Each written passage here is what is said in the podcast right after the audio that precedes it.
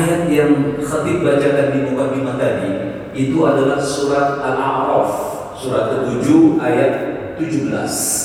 Yang itu sudah merupakan tekad proklamasi pernyataan iblis laknatullah kepada Allah Subhanahu wa taala bahwa mereka akan senantiasa selalu always mengganggu manusia menghalang-halangi manusia dari siratal mustaqim dari jalanmu yang lurus.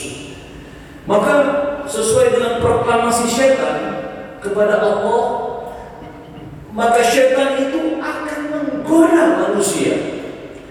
Dari depan mereka dari belakang mereka dari samping kanan mereka dari samping kiri mereka sehingga tidak akan ditemui manusia-manusia bersyukur kepada Allah Subhanahu wa taala ini tekad dan tekad ini tidak main-main mereka itu tidak ada rasa lelah tidak tidur dan tidak alpa di dalam mengganggu manusia manusia mungkin dalam aktivitasnya dia lelah letih akhirnya istirahat bahkan ada yang tertidur ketika mendengarkan khutbah ini merupakan gangguan-gangguan syaitan ini merupakan hal-hal yang membuat syaitan senantiasa berupaya untuk menggoda manusia hadir sekalian yang berbahagia dalam tafsir Ibnu Katsir dikatakan bahwa empat arah syaitan menggoda manusia sehingga manusia tidak bisa lagi mempertahankan fitrahnya untuk 11 bulan yang akan datang. Maka ketika setan mengganggu manusia melalui depan, artinya orientasi hidup tidak lagi ke akhirat. Orientasi hidup tidak jannah, tidak syurga. Sehingga segala sesuatu diukur dari belakang, dari arah belakang, yaitu apa? Dunia. Manusia tidak lagi berorientasi jannah, syurga. Padahal itulah keriduan Allah. Itulah satu batasan yang luar biasa dari Allah Subhanahu wa taala. Contoh yang sederhana. Ketika seorang ayah atau ibu. Ditanya tentang bagaimana cita-cita anaknya. Atau nak kamu mau jadi apa nantinya? Pasti anak itu kan bercerita tentang bagaimana saya harus menjadi seorang insinyur saya harus menjadi seorang profesor saya harus menjadi pejabat. Tidak ada ungkapan atau tidak ada orang tua atau mungkin sedikit dari mereka yang cita-cita anaknya itu adalah surga. Nah, cita-citamu apa nah di dunia ini? Cita-citamu paling tinggi apa nah di dunia ini? Mungkin jarang yang mengatakan surga. Saya mau masuk surga. Dan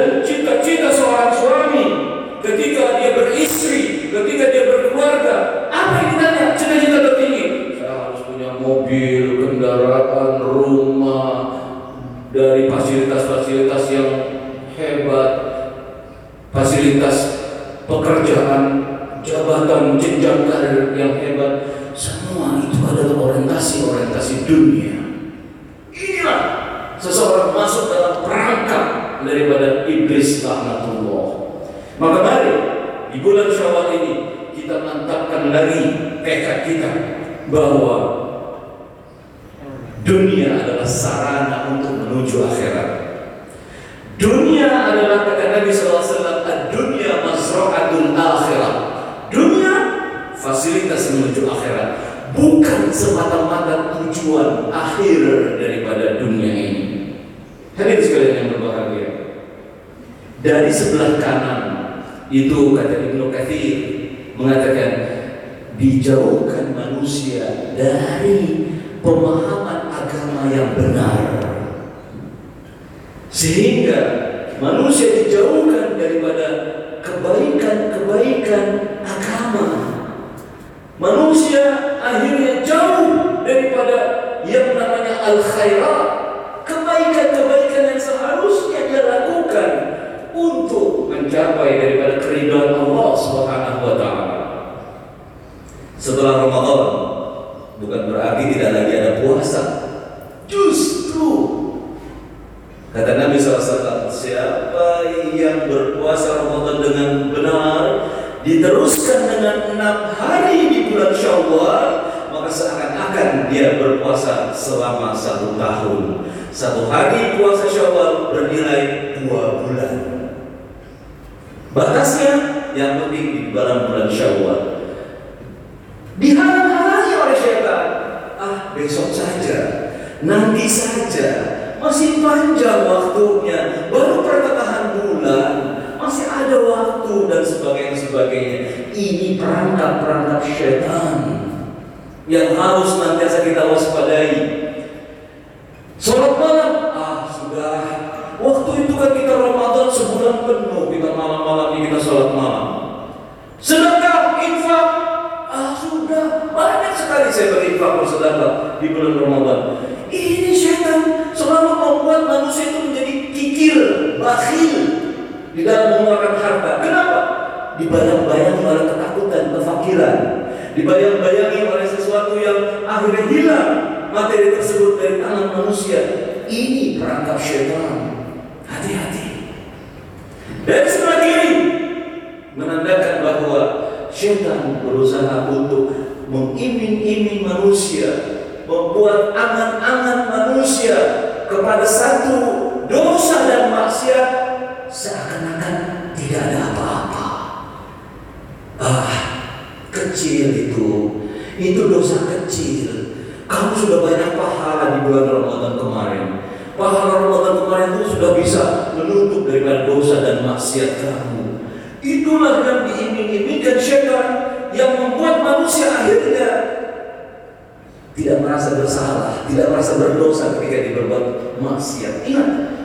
bukan hanya yang besar-besar. Maksiat bukan hanya zina, judi. Maksiat lawan daripada taat. Sami'na wa.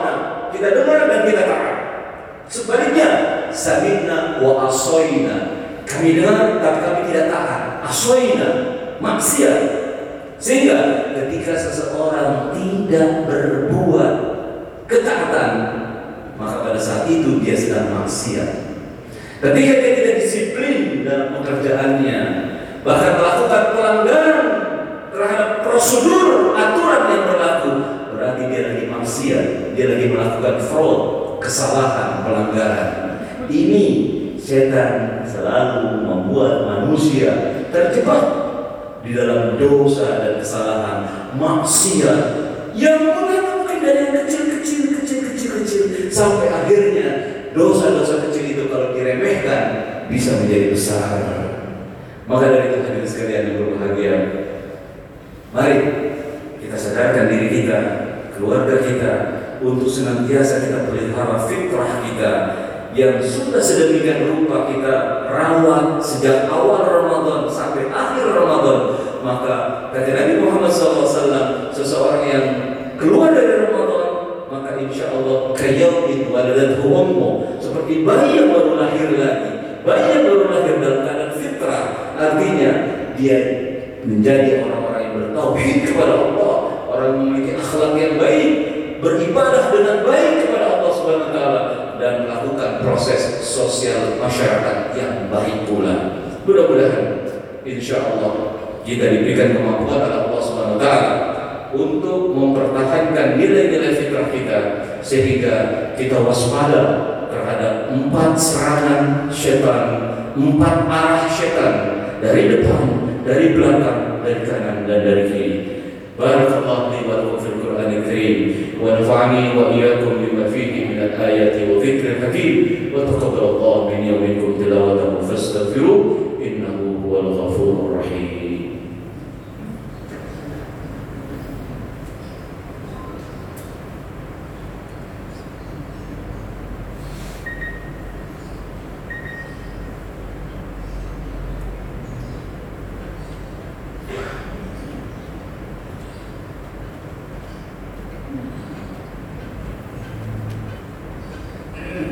الحمد لله رب العالمين والعاقبة للمتقين ولا عدوان إلا على الظالمين.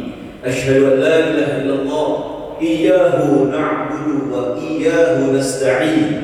وأشهد أن محمدا عبده ورسوله خاتم الأنبياء والمرسلين. اللهم صل وسلم على هذا النبي الكريم نبينا محمد وعلى آله وصحبه أجمعين أما بعد. معاشر المسلمين رحمكم الله اتقوا الله حق تقاته ولا تموتن إلا وأنتم مسلمون معاشر المسلمين untuk menghindari daripada empat serangan syaitan tersebut maka hendaklah kita senantiasa sesuai dengan hadis Nabi Muhammad SAW badiru bil a'mal badiru bil a'mal ayo bersegera melakukan amal amal itu apa? Aktivitas perbuatan-perbuatan. Yang amal itu disebut soleh. Apa itu soleh? Sesuai dengan maunya Allah. Mengikuti sunnah Rasulullah SAW itu amal saleh. Maka Allah Subhanahu Wa Taala menyukai hambanya. Yang senantiasa memelihara daripada amal-amal solehnya dengan baik. Jangan seperti sindirannya Allah di dalam surat An-Nahl yang dikatakan A'udzubillahi minasyaitonirrajim ولا takunu kallati naqadat kasraha min ba'di قوة أنكاثا.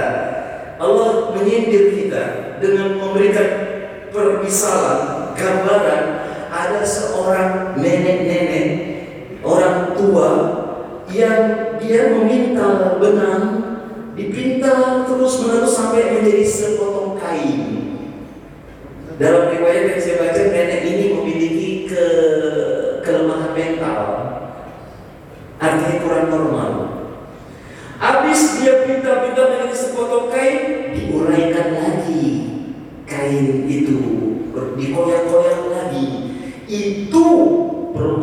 gamblang bagi seseorang yang sudah baik amal solehnya di bulan Ramadan, tapi dia tidak pelihara.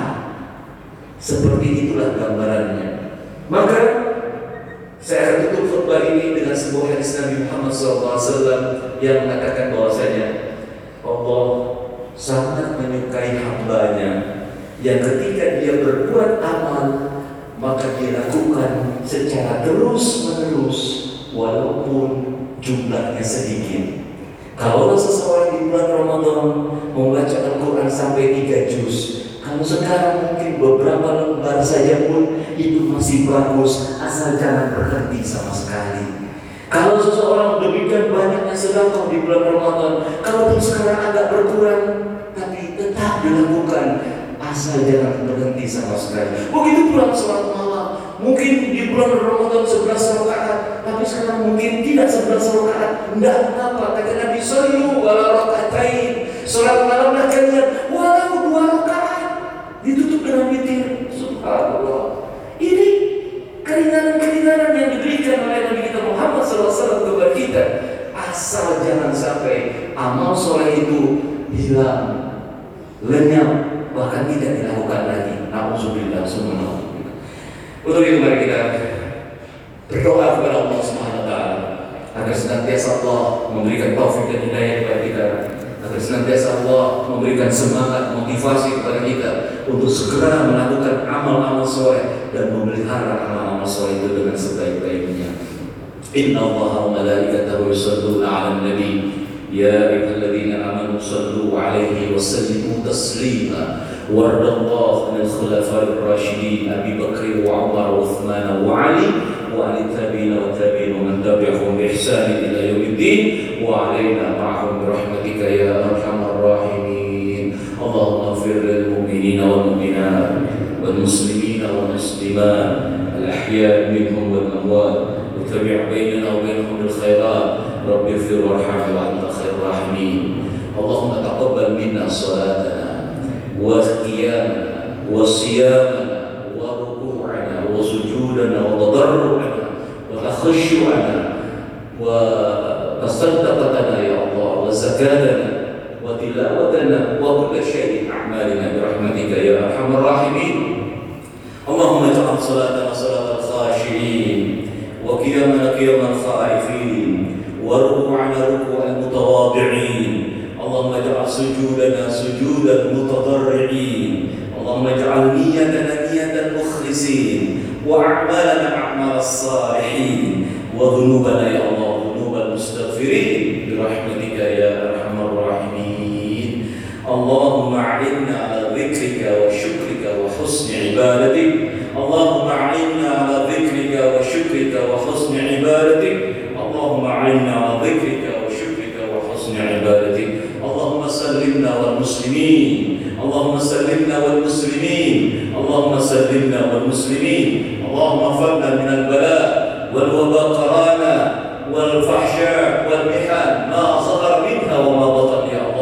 rahmatika ya